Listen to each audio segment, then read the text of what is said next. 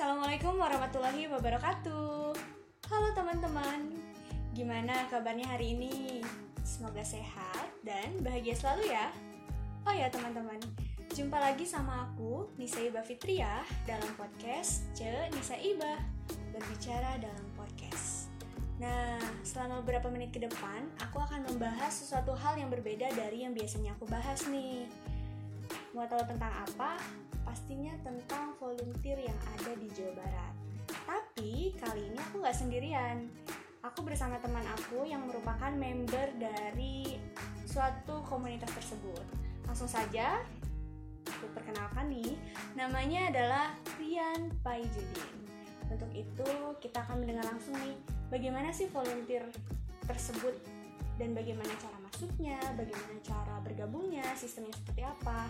Oke deh, langsung saja kita sambut dengan Riawi Rian Paijudin Oke, halo semuanya. Eh, perkenalkan, nama aku Rian Paizudin. Sekarang aku lagi sibuk eh, punya kegiatan di bidang volunteer. Aku sekarang eh, anggota anggota di Matahari Kecil Community by Matahari Kecil Foundation Indonesia. Matahari Kecil Indonesia Foundation. Gitu, Ceiba. Oh iya, mungkin teman-teman bingung gitu Sebenarnya matahari kecil itu apa sih? Oke, jadi aku sedikit jelasin. Matahari Kecil Indonesia Foundation itu merupakan suatu yayasan yang fokus untuk mengurangi angka putus sekolah di Indonesia melalui pendekatan economic empowerment dan quality and access education for all gitu. Jadi Matahari Kecil ini tuh sebenarnya sudah be- sudah berdiri lumayan lama yaitu di 2015 gitu. Jadi kita tuh fokus untuk me- mengedukasi sekolah di SMP Firdaus di Arca Manik gitu. Jadi kita sekarang udah membantu lebih dari 150 siswa dan udah mengajak lebih dari 1200 pemuda di Bandung dan Jakarta untuk mengikuti program untuk mengikuti program kami. Dan sudah ada lebih 300 penerima manfaat dari program kami itu. Jadi luar biasa sekali ya. Matahari kecil ini berarti merupakan komunitas yang bergerak di bidang sosial, pendidikan juga ya. Nah, paling kita pengen tahu sih gimana sih awal terbentuknya matahari kecil? Kok bisa ada si komunitas matahari kecil ini? Gitu Oke, jadi kayak matahari kecil ini tuh sebenarnya suatu awalnya tuh kayak suatu eh, inisiasi gagasan dari eh, Karang Taruna di Gading Regensi. Jadi dulu ada CEO-nya Kang Yaser dan Kak Amar yang sekarang dia jadi ketua Matahari Kecil Indonesia Bandung. Dia tuh merupakan suat, eh, salah satu pengurus dari Karang Taruna di Gading Regensi ini berangkat dari eh apa ya kayak kegelisahan Kang Yaser sama Kak Amar di mana ma- pada waktu itu banyak anak-anak usia sekolah tapi berkeliaran di pas jam sekolah gitu. Jadi kayak ini Gading Regensi kan salah satu komplek elit di Bandung. Tapi kok masih banyak gitu anak-anak yang anak-anak umur usia sekolah tapi pada jam sekolah dia nggak sekolah gitu. Ini ada apa? Dan eh, setelah itu Kang Yaser dan Kak Amar itu eh, apa bekerja sama dengan DKM masjid setempat untuk mendirikan suatu sekolah yang namanya sekolah terbuka Gading Regensi.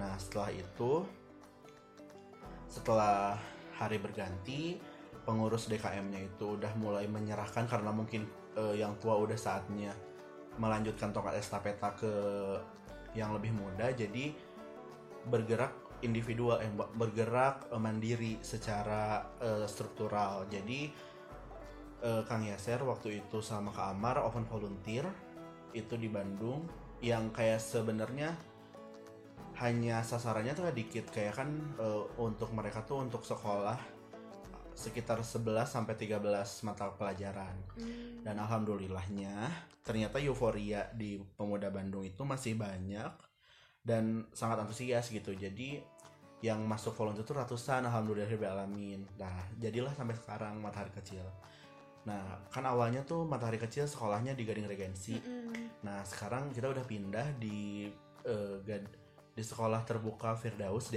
di komplek Kacamani. Hmm.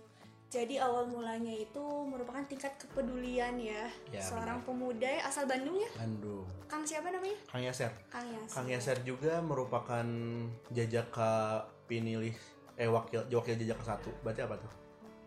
Wakil Juara wakil dua. satu Wakil Jajaka. satu jajaka Kota Bandung Wah. tahun 2018 kalau nggak salah. Atau 17 gitu. Hmm. Nah selain sejarahnya nih kita tuh pengen tahu sih sebenarnya kegiatan apa saja sih yang dilakukan oleh komunitas Matahari Kecil ini? Oke, kegiatannya tuh cukup banyak ya. Sombong. kegiatannya cukup banyak. Kayak kita tuh yang pertama tuh yang paling utama kita ada voluntary teaching program. Hmm. Itu yang mana kita jadi eh, kita ngajak pemuda-pemuda Bandung dan Jakarta. Oh iya, sedikit informasi juga eh, Matahari Kecil itu cuman bukan cuma ada di Bandung, tapi kita juga buka buka cabang, tanda kutip buka cabang di Jakarta itu tapi kalau di Bandung kan SMP. Kalau di eh, kalau di Jakarta itu TK Oh. gitu. Jadi kegiatan itu selain voluntary teaching program, kita tuh banyak juga kegiatan-kegiatan yang meningkatkan karakteristik eh, anak-anak kita gitu. Seperti kita ada langkah cahaya, Hmm. terus juga kita ada career day, terus kita ada home visit dan terbaru ini ada sekarang nih Maret kita ada acara juga namanya Power Key gitu. Jadi kita mengesampingkan dulu tugas-tugas kita di Bandung, kita cari suatu desa yang butuh pertolongan kita gitu dari baik dan karena kita kan juga bergerak di bidang economic empowerment. Jadi eh, selain itu selain kita ngajar di SMP Firdaus juga kita ada suatu program KKN lah istilahnya gitu di ada salah satu desa di Bandung di Bukan Kabupaten desa Bandung. penari tapi. Bukan, takut bu. Oh iya. Oh ya nih, karena kegiatannya banyak nih. Sebenarnya sistem kegiatannya itu per bulan secara rutinitas atau memang fleksibel? Eh, sebenarnya kalau untuk kegiatan untuk sistemnya tuh berdasarkan programnya. Hmm. Kalau misalkan kan aku sekarang di Matahari Kecil Community by Matahari Kecil Indonesia Foundation. Hmm. Nah, ada juga teman aku yang di IYS di Indonesia Youth eh, Sociopreneur Hmm. Eh, itu kita berdua ini eh, un- per periode. Jadi periode itu satu tahun ke pengurus satu tahun kepengurusan kayak uh kepengurusan gitu. Satu tahun kepengurusan. Sedangkan kalau voluntary teaching itu tuh biasanya per setengah semester. Jadi kayak kan sat- satu tahun itu ada dua semester. Mm. jadi kita tuh biasanya tapi ini gimana gimana keperluan sih Mm. biasanya? Jadi kalau voluntary teaching itu per setengah semester jadi cuma tiga bulan tiga bulan. Jadi kayak dari awal semester sampai UTS Hmm. Nah, dari awal UTS eh dari beres UTS sampai UAS gitu biasanya Hmm. Oke, karena ini suatu komunitas yang apa ya merupakan wujud dari kepedulian pemuda-pemuda yang ada di komunitas tersebut. Pastinya dalam melaksanakan kegiatan itu kan membutuhkan biaya yang mungkin gak cukup sedikit gitu ya. Iya. Nah, gimana nih asal usul Matahari Kecil ini bisa melaksanakan kegiatan? Kalau misalkan bentuk pendanaan kita tuh aku juga itu maksudnya kalau untuk pendanaan itu eh, kuasanya yayasan ya kuasanya Oh. Matahari Kecil Indonesia Foundation sendiri Berarti Matahari Kecil ini udah berbentuk yayasan. ya udah bentuk yayasan jadi kayak aku jelasin dulu sedikit jadi kayak Matahari Kecil Indonesia Foundation itu suatu yayasan Mm-mm. yang di bawahnya ada tiga program Oh. yang pertama itu setahu aku ya Mm. aku takut salah saat eh, saat yang pertama itu ada voluntary teaching program Mm-mm. yang kedua ada Matahari Kecil Community, yang satunya ada Indonesia Youth Sociopreneur. Gitu. Jadi kalau yang vo- voluntary teaching itu yang ngajar, Mm-mm. kalau yang community itu yang kayak penggerak agar kayak suat agar Matahari Kecil itu punya program yang bisa membentuk karakter-karakter anak-anak kita dan IYS ini atau Indonesia Youth eh, Sociopreneur itu mereka itu bergerak di bidang bisnis yang mereka bikin suatu bisnis inkubasi bisnis untuk mensejahterakan keluarga-keluarga eh, anak-anak kita Mhm. gitu jadi kayak anak-anak kita karena eh maksudnya fakta fakta menyedihkan juga kayak setelah anak-anak lulus dari sekolah kita juga mereka malah, malah bingung gitu untuk melanjutinnya karena ya itu karena mereka tetap berada di lingkaran yang itu gitu jadi kayak kita mau mencoba untuk mengeluarkan keluarga Hmm. anak-anak kita ke pendapatan yang lebih baik gitu pendapatan yang lebih bisa mensejahterakan mereka gitu Oke. untuk pendanaan itu aku kurang tahu ya eh, untuk bener-bener pendanaannya dari mana asalnya tapi biasa biasanya kita biasanya open open donation Mm-mm. atau kalau enggak kita kewirausahaan Hmm. Jadi sudah berbentuk yayasan. Oke kak. Terus matahari kecil ini impactnya itu seperti apa? Impactnya itu karena sekarang kita alhamdulillah udah selebihnya eh, menyebar manfaat ke 300 penerima Mm-mm. eh, manfaat kita.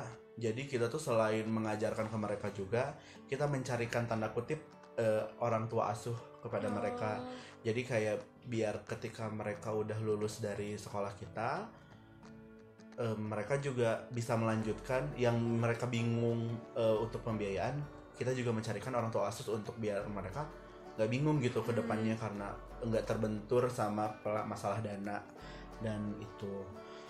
Terus juga kita udah bikin suatu inkubasi bisnis Mm-mm. lagi berjalan, inkubasi bisnis agar eh, orang tua orang tua dari anak-anak kita tuh punya penghasilan yang cukup dan penghasilan yang inilah maksudnya memenuhi kebutuhan-kebutuhan anak-anak mereka gitu agar setelah keluar dari sekolah kita juga mereka bisa melanjutkan ke tingkat yang lebih tinggi lagi gitu.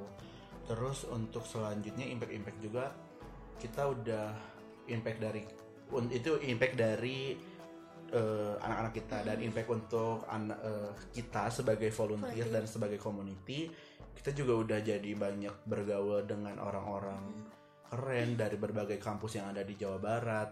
Terus kita juga udah bekerja sama dengan orang-orang penting. Kita juga ya pokoknya banyak banget deh link-link baru, Relasi terus relasi-relasi ya. baru.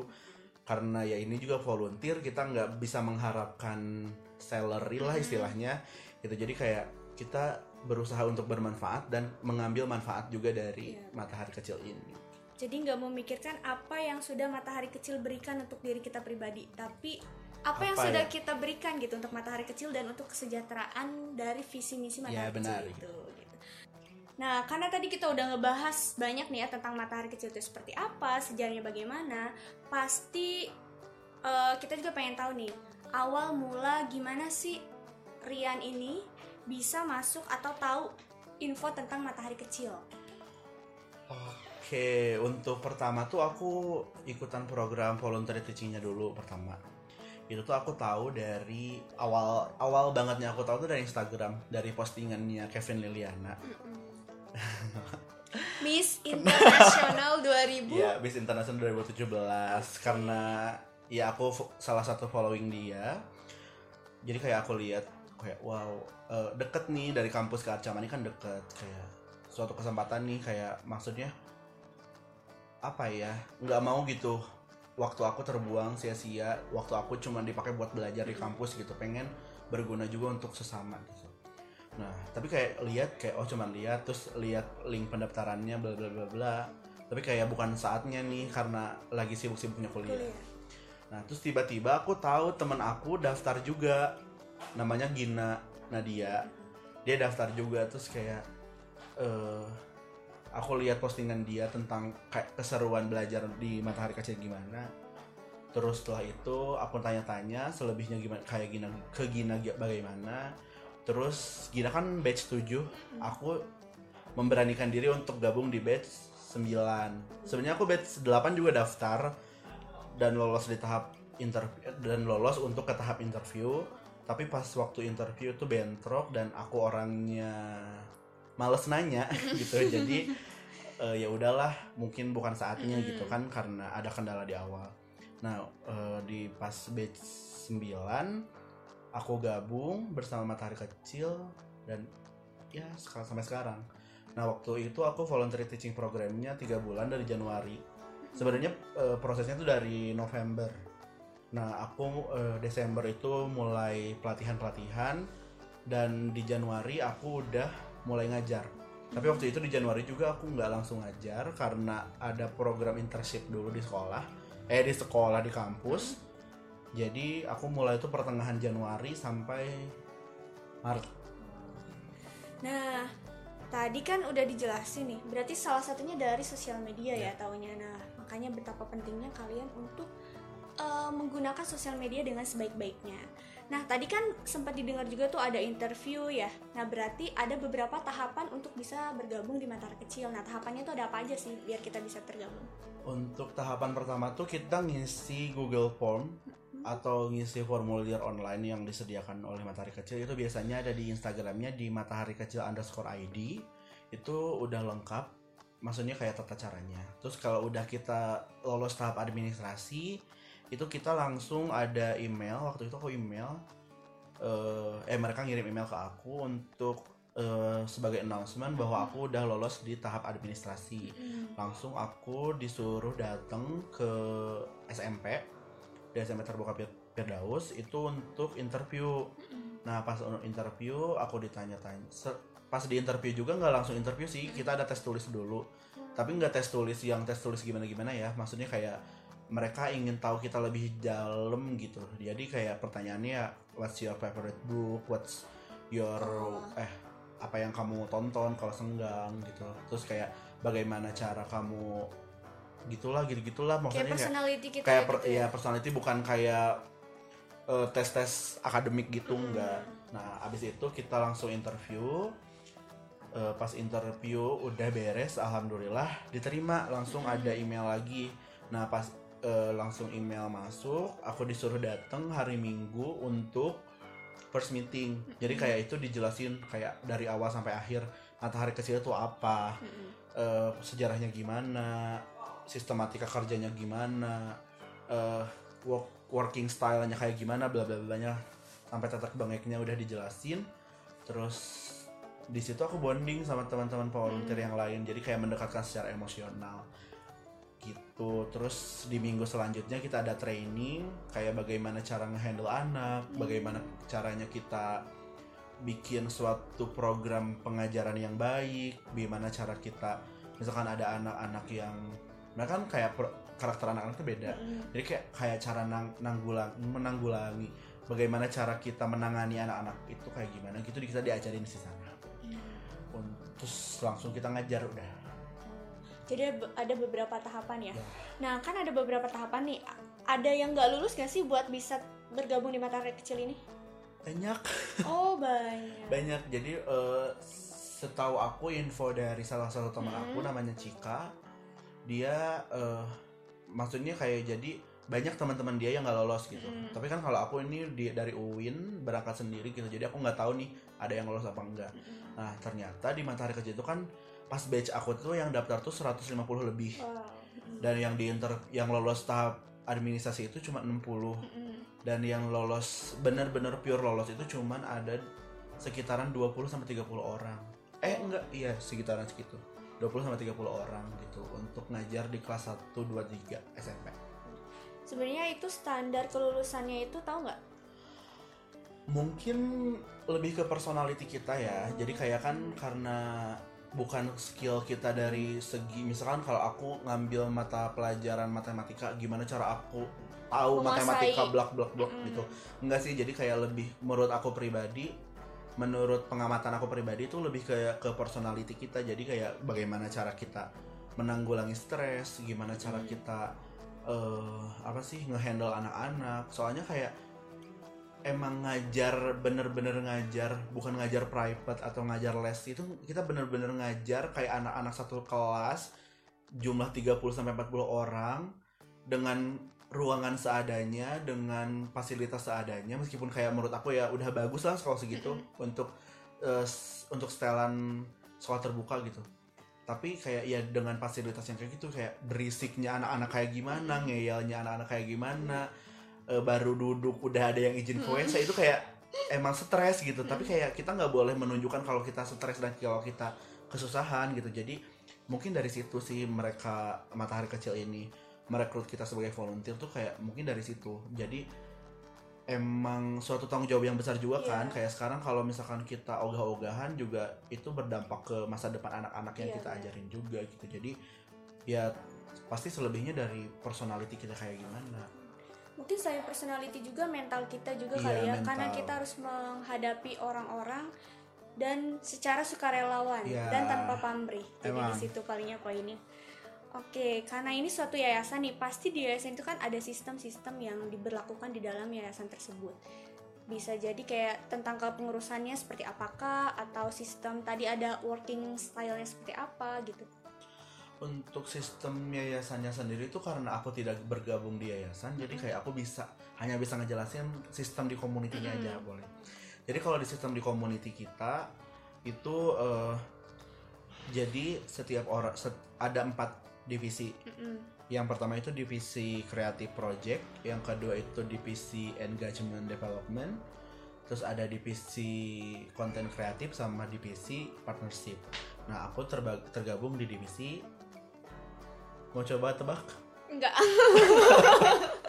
Aku bukan peramal aku di partnership Oh. as you know nah pas a- jadi kalau di matahari kecil community itu kita eh, working style-nya jadi eh, kita itu bikin suatu project Mm. untuk pengembangan karakter anak-anak seperti yang baru-baru aja kita selesaiin itu ada eh, career day Mm. jadi kita eh, untuk working style di career day itu kita jadi kayak rapat-rapat biasa jadi kayak satu si project day ini tuh dipegang oleh creative project.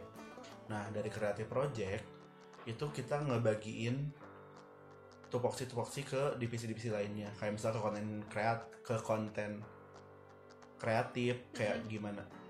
Konten kreatif gimana eh, untuk mengemas acara ini Acara dalam itu. suatu visual yang bagus. Terus kayak untuk ke sponsor ke partnership kita cari sponsor dan kita izin tempat kita cari orang-orang yang bisa gabung bla bla bla.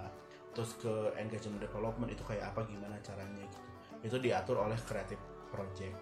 Nah dari situ eh, terbentuk suatu acara yang emang apik menurut Mm. aku pribadi. Jadi ketika itu creative pro, eh, creative project bikin suatu program kreat apa sih karir day ini dibantu oleh divisi-divisi sela- selain divisi-divisi lainnya Hmm. Nah ini buat matahari kecil ini ada batas Rian untuk bergabung nggak di dalamnya? enggak sih Oh nggak ada. jadi emang programnya kalau Matahari Kecil Community by Matahari Kecil Indonesia Foundation itu setahun kepengurusan. Tapi kalau misalkan mau lanjut itu boleh banget. Eh, dan sebenarnya banyak juga anak-anak yang anak-anak dari PP eh, Voluntary Teaching Hmm. Program ataupun dari community yang digab, digayat digayat Mm-mm. untuk gabung ke yayasan Oh. gitu juga tapi eh, sebenarnya nggak ada batasan mau sampai kapan Mm-mm. gitu itu kan namanya juga sukarelawan Mm-mm. ya jadi kayak yayasan juga nggak bisa eh, memaksa kita untuk sampai kapan sampai kapan gitu tapi untuk periodenya itu satu, satu tahun Oh iya. Terus menarik juga ya tentang matahari kecil ini. Walaupun karena kebetulan aku juga baru dengar tentang matahari kecil ini, jadi sangka aku tuh matahari kecil itu adalah suatu apa ya produk merek gitu. Tapi ternyata suatu komunitas. Nah, gimana sih kesan pesan Rian selama bergabung di matahari kecil? to be honest aku jadi eh, kebuka banget gitu mindset Mm. aku tentang dunia ini anjay maksudnya jadi kayak ternyata di belakang kita atau di bawah kita tuh masih banyak orang-orang yang se-struggle itu seberjuang itu untuk mendapatkan satu pendidikan aja gitu satu aspek kehidupan yaitu pendidikan gitu padahal itu pendidikan itu yang biasa kita sepelekan yang Mm-mm. biasa kita kayak ya Allah sekolah doang gitu Mm-mm. Nah, sekarang tuh kayak kebuka aja gitu mindset aku kayak orang-orang tuh berju seberjuang itu loh untuk mendapatkan suatu aspek kehidupan yaitu pendidikan itu gitu. Sekarang ini aku mau cerita tentang home visit. Jadi ada, salah satu program di mata itu yaitu home visit di mana kita sebagai volunteer datang ke rumah satu-satu eh, murid-murid kita, anak-anak kita. Nah, di situ tuh Duh nyesek. di situ Aduh tuh sedih nih. iya di situ tuh kayak maksudnya aku tuh yang sering ngeluh gitu sama fasilitas dari orang tua yang orang tua aku berikan gitu tapi ketika di situ kayak ada satu murid kita aku nggak bisa sebut namanya siapa dia hidup di satu kontrakan satu kosan gitu delapan orang Wow. dia makan di situ dia tidur di situ dia nonton TV di situ dia belajar di situ kayak sedih aja gitu Hmm. orang tuanya masak di situ orang tuanya kerja di situ kayak sedih gitu kayak ini anak gimana caranya dia berkembang Mm-mm. gitu dia belajar aja keganggu sama adiknya Iya. dia mau ngerjain PR keganggu sama orang tuanya lagi masak gitu. dari situ kayak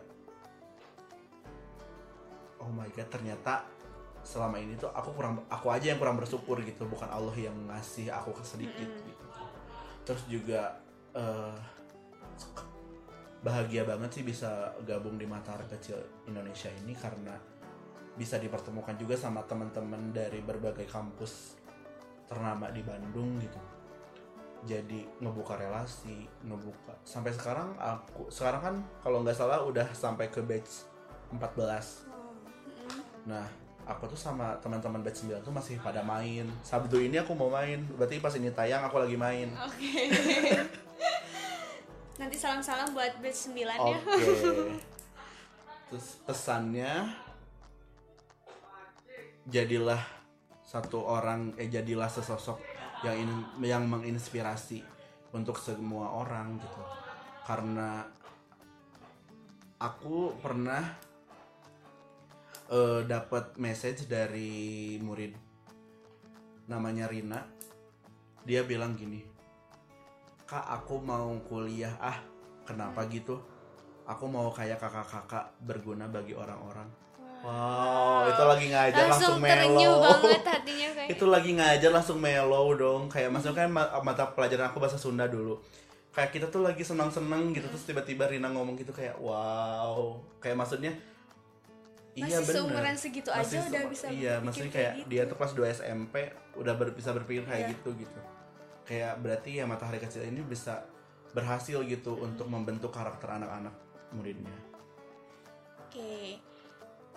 Semoga ini Kang Yasir ya. Kang Yasir bisa ngedenger podcast aku selaku CEO. CEO CEO dari Matahari Kecil. owner owner Oh, dan juga ada Teh Kevin Liliana ya, Miss Ya. International 2000 2017 2017 selaku brand ambassador ya brand ambassador brand ambassador Matahari Kecil. Nah, paling ini sih poinnya yang tadi udah aku dengerin ya. Paling yang pertama sih emang kita harus bersyukur ya.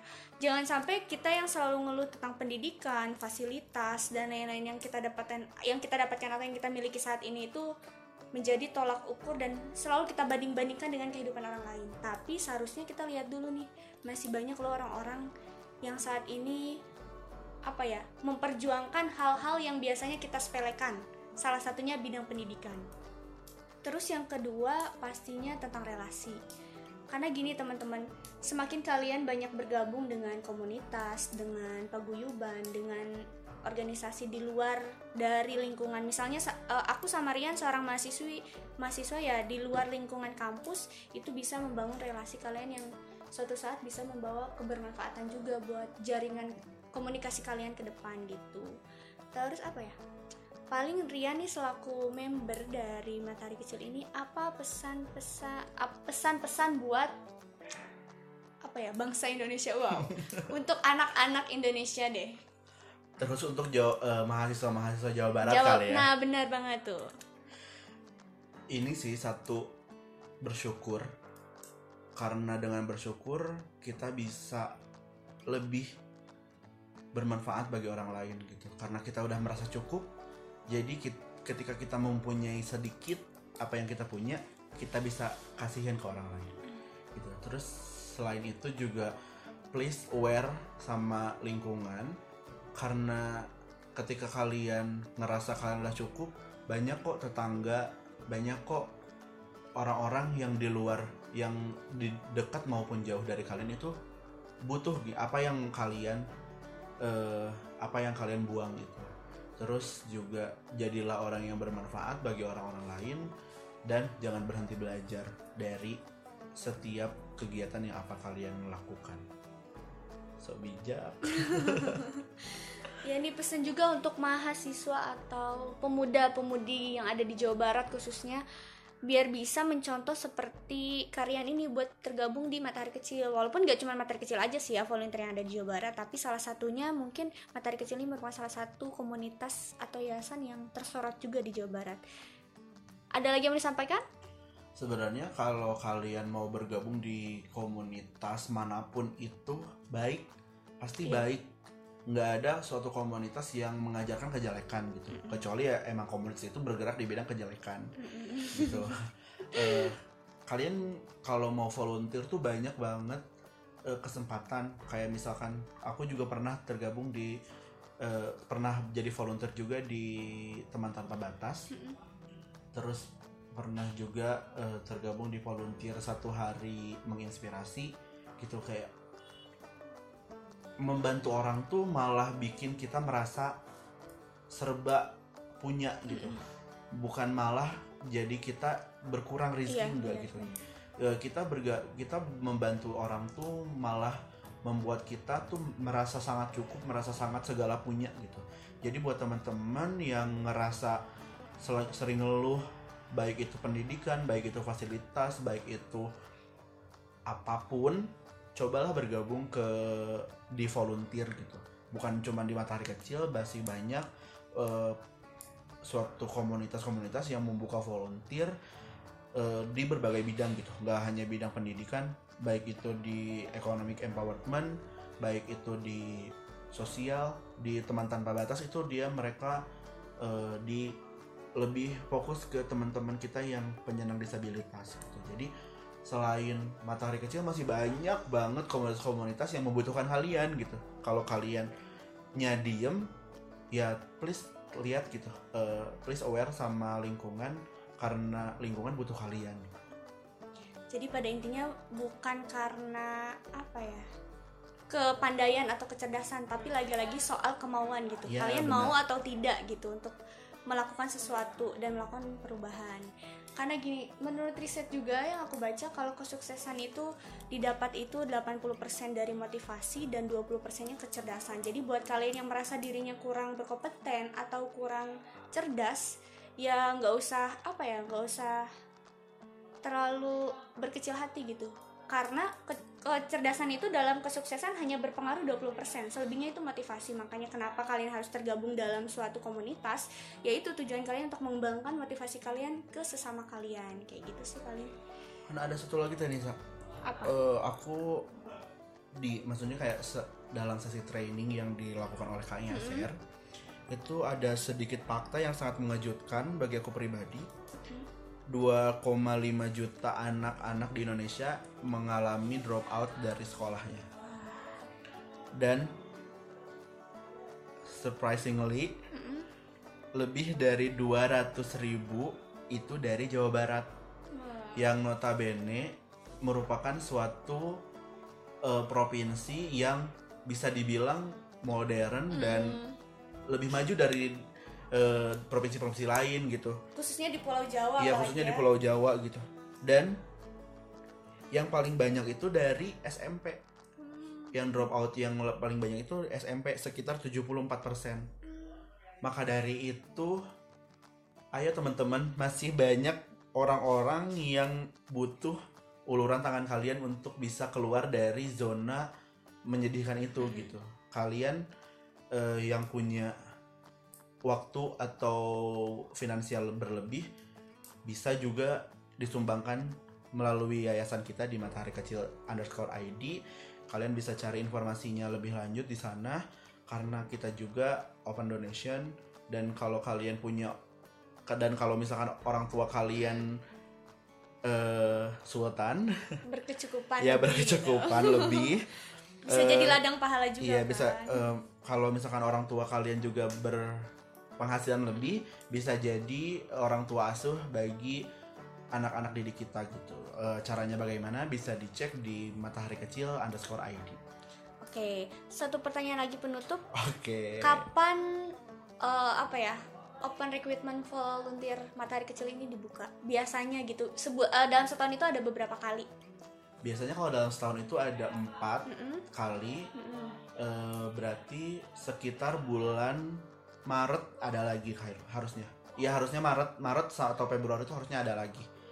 Soalnya untuk pro, eh, batch yang 14 sekarang itu udah mau berakhir, berarti kalian persiapkan mental kalian, persiapkan diri kalian untuk bergabung bersama aku dan Widih. teman-teman lain di Matahari Kecil Indonesia Foundation. Soalnya banyak banget benefit yang bisa kalian dapatkan. Di samping banyak banget juga kontribusi kalian yang akan kalian kasih ke Matahari Kecil Indonesia Foundation gitu teman-teman. Oke, buat tahu infonya kita harus ke mana nih? Eh, ke Matahari Kecil underscore ID Hmm? sebenarnya eh, kita juga ada web tapi webnya belum bisa diakses untuk umum baru di- bisa diakses oleh karena di isi webnya tuh kita ada data-data murid-murid kita juga gitu jadi bisa dicek dulu di matahari kecil underscore ID untuk info lebih lanjutnya eh kalau mau personal ke aku juga boleh mau ke Kang Yaser boleh mau ke Kak Amar boleh yang penting jangan bera- jangan malu untuk bertanya dan jangan ma- jangan merasa sedikit jangan merasa punya sedikit untuk berkontribusi karena kita juga matahari kecil matahari kita kecil tapi sinar kita menyinari dunia Widih. Luar biasa ya.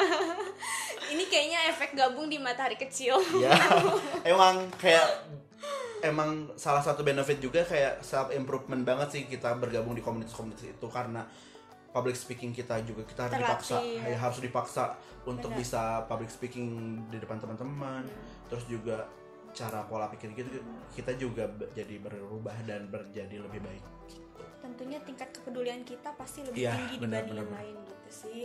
Oke deh, paling nanti buat kontak person atau Instagram atau yang lain-lain bisa aku cantumkan di deskripsi di podcast ini. Mungkin cukup sekian ya.